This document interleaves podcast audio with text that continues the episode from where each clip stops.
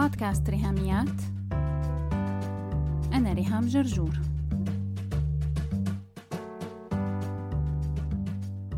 مرحبا. بالجزء الثالث من سلسلة النوم رح نحكي عن العلاقة ما بين النوم والذاكرة. بكتابه Why We Sleep بيذكر الباحث والعالم ماثيو ووكر معلومة مهضومة خلتني صير أقول لأولادي يلا يا أولاد اسمعوا كلام شكسبير وفوتوا على النوم. بمسرحية مكبث بالفصل الثاني والمشهد الثاني بيقول شكسبير Sleep is the chief nourisher in life's feast. النوم هو المقيت الرئيس في وليمة الحياة. طبعا أنا اخترت أكثر مرادفات مجعلصة لترجم هالجملة بس هي ببساطة إنه النوم هو أكثر شيء مغذي على مائدة حياتنا. وهذا الحكي تبع شكسبير من إيمات صح بتربحي معنا غسالة أوتوماتيك. هذا الحكي سنة 1611 يعني كل اكتشافات القرن الواحد وعشرين كانت عم تأكد يلي قاله صاحبنا شكسبير من مئات السنوات. إنه النوم بيمنع العدوى وبيقي من الأمراض النوم فيه حلول لتحديات ومشاكل كتير النوم بيساعد على التعلم والتذكر والإبداع وفيه شفاء للجروح النفسية. وأكيد بتتذكروا بالحلقة الماضية رقم 57 كيف قسمنا النوم لنوعين ان ريم سليب يلي سميناه النوم العميق وريم سليب يلي فيه الرابid اي موفمنت وسميناه نوم الأحلام.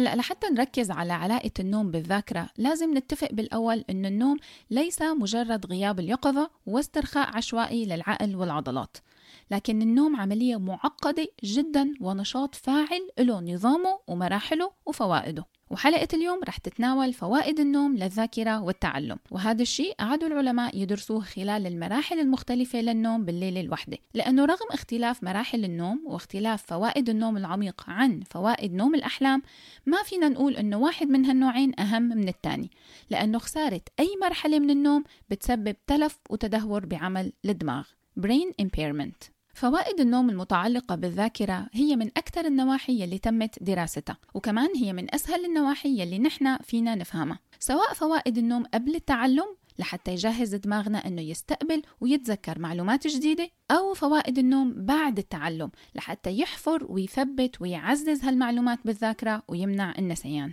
التعلم عموما فينا نقسمه لنوعين تعلم معلومات وتعلم مهارات. اليوم رح نحكي أكثر عن تعلم المعلومات يلي هو بسموه fact based information. يعني بتشبه اللي بنتعلمه بكتب المدرسة بس مو شرط دروس لكن ممكن كمان تبقى مثلا اسم شخص أو رقم تليفون أو وين صفيت سيارتي بال parking وهذا النوع من التعلم مسؤولة عنه منطقة بالدماغ اسمها hippocampus هي يلي بتستلم المعلومات وبتحتفظ فيها كذاكرة قصيرة المدى. يعني خزان مؤقت. فينا نشبهه بال USB memory stick الفلاشة يعني. بس مع الأسف هذا ال hippocampus سعته محدودة وقدرته على التخزين قليلة. لهيك رح نقول إنه ال hippocampus هو USB أو فلاشة 16 جيجا. ولما هالخزان المؤقت بيوصل للحد الأقصى من قدرته على الاستيعاب فهون المخاطرة. إنه المعلومات الجديدة ما بقى بتفوت عليه. أو لما بتفوت فهي بتقعد فوق يلي قبلها وبتمسحها. وهالظاهرة اسمها interference forgetting.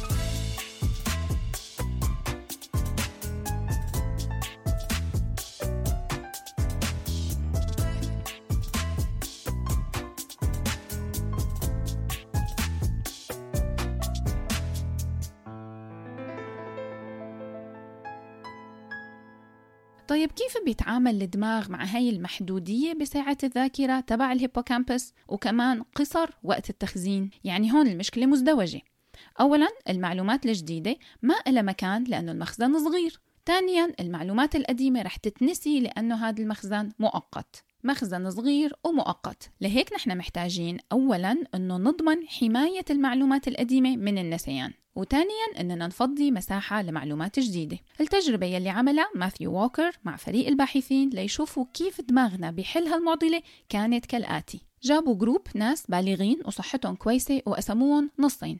مجموعة رح نسميها مجموعة القيلولة ومجموعة تانية رح نسميها مجموعة اليقظة. الظهر كانوا كل المشاركين بيقعدوا جلسة تعلم مكثف قدامهم صور أشخاص 100 صورة و100 اسم. يوصلوهم مع بعض يعني 100 جوز من الصور والأسماء. والمجموعتين كان أداء في التعلم متشابه وهذا شيء متوقع لكن بعد هالجلسة بيتوزعوا أفراد مجموعة القيلولة على سراير مختبر النوم وبيناموا ساعة ونص. وطبعا كل واحد فيهم دماغه متوصل بمجسات وكمبيوترات وأجهزة لتقيس نشاط وأمواج المخ. مجموعة اليقظة بيضلوا فايقين بغرفة تانية بالمختبر وعم يقضوا الوقت بنشاطات عادية تصفح الإنترنت أو يلعبوا كوتشينا ويتحدثوا. بعدين بيجي وقت جلسة تعلم تانية بتشبه الأولى والكل بيشارك فيها. وكمان لازم يحفظوا أسماء 100 شخص بالصور. يعني 100 جزء جديد من الصور والأسامي غير المية الأولانيين. بالنسبة للباحثين كان سؤال التجربة مباشر وواضح. هل سعة الاستيعاب للتعلم بالدماغ البشرية بتقل مع استمرار وقت التعلم خلال اليوم؟ وبدأت النتائج الأولية تظهر على مجموعة اليقظة إنه تدريجيا صارت قدرتهم على التعلم عم تتدهور على الرغم من إنه تركيزهم ثابت وهون لازم نميز بين هالنقطتين التركيز والتعلم. فبالمقارنة ما بين مجموعة اليقظة ومجموعة النوم كانت مجموعة النوم أداء أفضل بشكل ملحوظ وقدرتها على الحفظ أسرع وكمية التعلم أكبر. ولما صارت الساعة 6 المساء صارت الفجوة كبيرة كتير ما بين المجموعتين والفرق واضح جدا. R I H A M I A T at uh, gmail دوت كوم. ماشي. كتبت العنوان. هلا شو بدي أقول لريهام؟ أنا اسمي فلانة من البلد الفلاني. سند شفتي شو سهل الاشتراك بال course المجاني Wild and Free 2020 تابعي حساب ريهاميات على إنستغرام وصفحة ريهاميات على الفيسبوك و hashtag Wild and Free 2020 لو حابة تاخدي فكرة عن ال course المجاني يلي رح يكون بخلال سنة 2020 عبارة عن 52 فيديو رح نشتغل عليهم خلال السنة الجديدة. لا تترددي بعتي لي إيميل على ريهاميات at gmail.com في اسمك وبلدك وخلي سنة 2020 تكون سنة التغيير الحقيقي بحياتك. تغيير صغير فرق كبير. هذا الاستنتاج الأولي يلي وصلوا له الباحثين. Sleep restores the brain's capacity for learning making room for new memories. النوم يجدد سعة التخزين للدماغ من أجل التعلم مفسحا المجال للذكريات الجديدة. بعد ما عرفنا شو استخلصوا الباحثين هلأ رح نشوف شو الطريقة يلي خلت النوم يعمل هالعملية الإنعاشية للذاكرة. عن طريق تحليل موجات الدماغ لمجموعة النوم اكتشف الباحثين أنه عملية تجديد الذاكرة كانت عم تحصل خلال النوم العميق NREM sleep. ولو بتتذكروا قلنا إنه النوم العميق مقسم لأربع مراحل فتحديدا تجديد الذاكرة كان عم يصير بالمرحلة الثانية من النوم العميق وهي أخف من المرحلة الثالثة والرابعة. وهون رح نتعلم اسم شيء جديد هو sleep spindles مغازل النوم. إزاي يا عروستي؟ في منه أشكال. إزاي يا عروستي؟ في منه أحجام. إزاي يا عروستي؟ بنستخدمه بالغزل والنسيج وبنستخدمه بالنوم. أنا شفت المغزل عند تيتا وجدو لما كنا نروح نزورهم بالضيعة جدي أبوه للبابا كان عنده نول والتيتا كان عندها مغزل وكل الأدوات اللي محتاجينها ليعملوا بساط أو سجادة. بس يلي ما بيعرف شو هو المغزل أو كيف شكله فالحقيقة ما فيني قلكم غير Google it حتى نقدر نتخيل سوا من وين جاي هالتسمية. sleep spindles هن بحسب تعريف العلماء short powerful bursts of electrical activities. تدفقات قصيرة وقوية للنشاط الكهربائي للمخ. فلما العلماء قاسوا كهربة الدماغ رصدوا أنه بالمرحلة الثانية من النوم العميق فيها الومضات هدول ومضات كهربائية متكررة كل 200 ملي ثانية. وكل ما كتر عدد السليب سبندلز يلي بيحصل عليهم الشخص خلال نومه كل ما زادت قدرته على استرجاع المعلومات يلي تعلمها لما يفيق.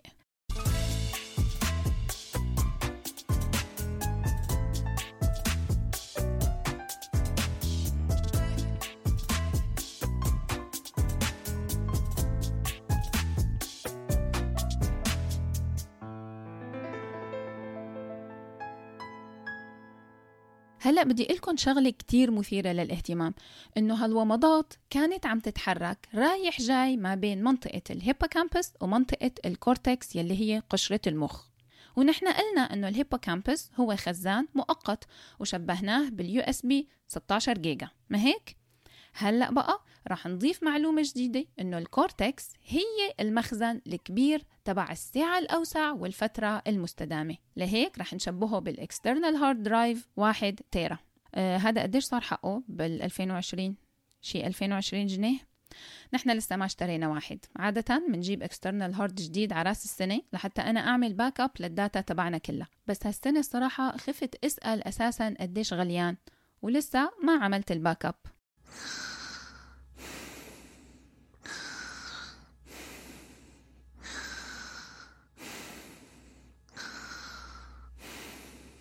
تخيلوا معي حكمة ربنا بتصميم النوم. إنه الدماغ بيقعد طول اليوم يجمع معلومات وبعدين أثناء النوم بيقعد كل ليلة بكل اجتهاد ونشاط يفضي المعلومات الجديدة من ال USB على ال external hard الشباب النشيطين العتالين sleep spindles بيقعدوا يزقوا ال data ما بين ال hippocampus وال cortex يعني ببساطة دماغي أثناء النوم بيفضي مكان للأشياء الجديدة اللي رح أتعلمها. وكل شيء قديم تعلمته بخزنه بخزان أكبر لمدة أطول.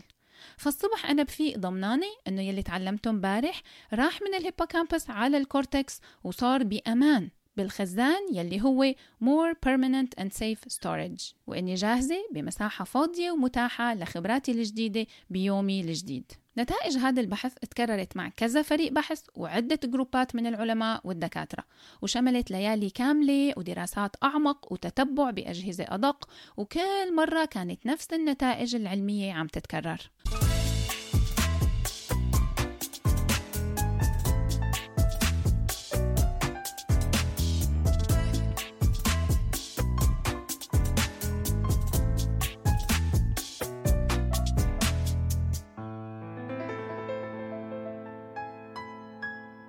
هون بدي خبركم سريعا عن الارتباط بين الذاكرة والسن. يعني بالنسبة للبالغين الكبار يلي هن بين عمر 40 و 60 سنة واللي أنا صرت منهم لما بالليل ما بيحصلوا على sleep spindles كفاية هاد بخلي ذاكرتهم أضعف مقارنة مع ال young adults أو البالغين الأصغر يلي بين 20 و 40 سنة. أما كبار السن فمنلاحظ تدهور كبير بالذاكرة خاصة ما بين عمر 60 و 80 سنة. بسبب قلة النوم وتحديدا نوع النوم العميق يلي لما بتقل مدته بيقل معه عدد ال sleep spindles لهيك هلأ الأبحاث الجديدة عم تحاول تلاقي طرق تساعد كبار السن على النوم بشكل أفضل في سبيل تحسين أدائهم الذهني وتعزيز الذاكرة. كل ما أتذكر بدايات بودكاست ريهاميات كيف سجلت الحلقات الأولى على موبايلي؟ بمجرد أنه كان معي السلك الأبيض تبع السماعة يلي فيها ميكروفون. وكيف أني تدريجيا اشتريت أول ميكروفون professional وبعدين الثاني وبعدين اشتريت برنامج متخصص لل sound editing بس اللي كان معي من أول يوم ومن أول حلقة هو Buzzsprout أي حدا عم يفكر يبدأ البودكاست الخاص فيه بنصحكم لما تجوا تختاروا host أو موقع مستضيف للبودكاست إنكم تختاروا Buzzsprout ال podcasting مغامرة ممتعة كتير لو معكم الأدوات الصح.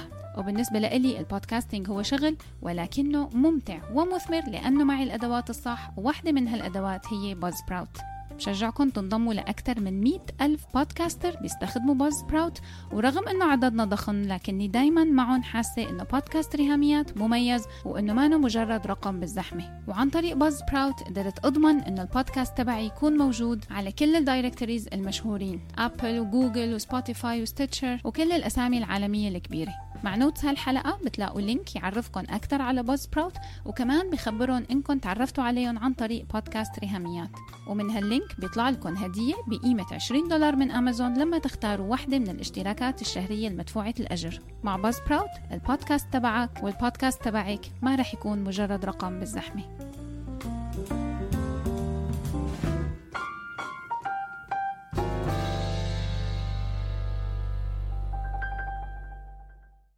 هلا عرفنا إنه النوم عموما بيساعد بتعزيز الذاكرة. بس السؤال بقى هل يا ترى النوم بيفلتر؟ يعني هل عملية التعزيز انتقائية ولا كل شي تعلمته خلال اليوم رح يتخزن؟ مثل كأني ماسك منيو للأكل بمطعم وكل هالمنيو رح تنزل على الطاولة بدون استثناء. ما فيني أختار شو بدي آكل أو شو أنا حابة آكل أو أنا شو محتاجة آكل. يعني مثل ما المطعم بيقدم لي منيو وأنا بختار منه يلي أنا حاببته أو محتاجته وبترك الباقي. هل فيني خلال النوم أعمل order مشابه؟ إني أطلب تذكر وتعزيز أنواع معينة من الذاكرة معلومات معينة وأترك الباقي والجواب المذهل أني أنا بقدر أختار وبقدر وجه ذاكرتي تكون انتقائية كيف عرفوا العلماء هذا الشيء؟ رح نعرف كيف من خلال تجربة رح تحسوها خيال علمي بس هي واقع علمي لأنه في شيء اسمه Targeted Memory Reactivation إنعاش الذاكرة المستهدفة والتجربة هي كالآتي. بيعرضوا عليك الباحثين مجموعة صور على شاشة الكمبيوتر وجوات كل صورة غرض معين بموقع معين نسبة لإطار الصورة. مثلا قطة بالزاوية الفوقانية على اليمين أو جرس بنص الصورة من تحت. وإنت عليك إنه تحفظ مو بس الصورة انها صورة قطة أو جرس لكن كمان تحفظ وين مكانه على الشاشة. بينعرض قدامك 100 صورة وبعدين بتنام. ولما تفيق بيرجع بينعرض عليك صور منهم المية صورة يلي انت ذاكرتهم ومنهم صور جديدة. لكن كلهم رح يكون فيهم الغرض المعين محطوط بمركز الصورة. هلأ اللي مطلوب منك أولا إنك تتذكر لو أنت شايف هذا الغرض من قبل ولا لا. ثانيا إنك لو متذكر الغرض تستخدم الماوس تبع الكمبيوتر لتنقله للمكان يلي شفته فيه بالصورة الأصلية. فلما تطلع لك صورة قطة رح ترفعها لفوق على اليمين ولما تطلع لك صورة الجرس رح تنزله لتحت بالنص. هيك بتعرف لو أنت متذكر الغرض وكمان دقة التذكر لموقعه الأصلي. بس هالتجربة كان فيها intriguing twist تركة يعني كده. إنه أنت وعم تشوف الصور وتحفظهم قبل النوم كان كل ما ينعرض عليك صورة بيبقى معها صوت مرافق. يعني لما شفت صورة القطة سمعت صوت. ولما شفت صورة الجرس سمعت صوت. وهيك لكل المية صورة يلي ذاكرتهم بعدين انت ونايم الباحث بيشغل نص عدد الأصوات يلي سمعتها وقت الاختبار. يعني في سبيكرات على يمين وشمال سرير الاختبار رح يشغلوا لك على الواطي كتير 50 صوت. والهدف إننا نشوف لو هالإشارات الصوتية رح تقود الدماغ بعملية البحث والاسترجاع تاني يوم الصبح. هلأ وقت التست بتجي المفاجأة الكبرى. إنه الصور يلي أنت سمعت لها الإشارة الصوتية أنت ونايم رح تتذكر منهم عدد أكبر بكتير من الصور يلي ما سمعت الإشارة الصوتية تبعها وأنت نايم. يلي صار هو إنه تم التحكم باللي أنت رح تسترجعه لما تفيق عن طريق الإشارات الصوتية يلي خلت ذاكرتك انتقائية. شو يلي تتذكره وشو يلي رح تطنشه وتنساه. اكتشاف مذهل الحقيقة. ولازم ضيف نقطة كتير مهمة هون إنه التجربة اتكررت مرات كتير مع تغيير وقت الاستماع للإشارات الصوتية. ويلي ظهر إنه الإشارات الصوتية لما تشتغل وقت نوم الأحلام ما بيكون لها أي مفعول نهائياً. هي كانت عم تعطي نتيجة فقط لما تتشغل وقت النوم العميق. NREM sleep.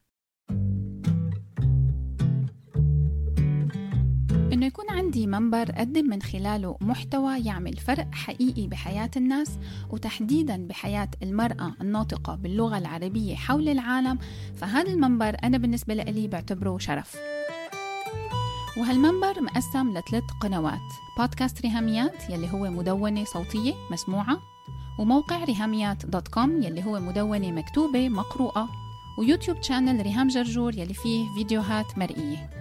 وهالثلاث قنوات بيخدم عليهم صفحة فيسبوك وحساب على إنستغرام. لحتى حافظ على المحتوى إنه يكون مجاني ويكون كمان قيم من حيث المضمون ومن حيث الشكل كمان والقالب يلي بقدمه فيه بحتاج إني أشتري كتب بحتاج أصرف على معدات وأدوات وكمان بكون عندي اشتراكات والتزامات مادية أونلاين.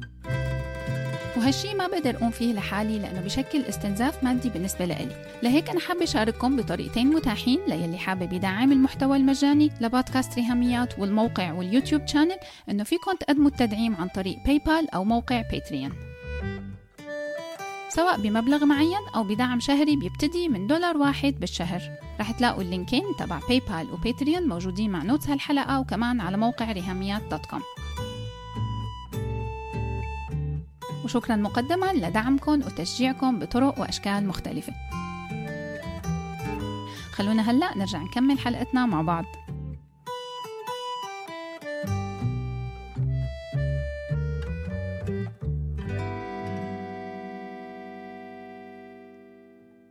روعة هالاكتشاف بالفرص يلي بيطرحها قدام الطب.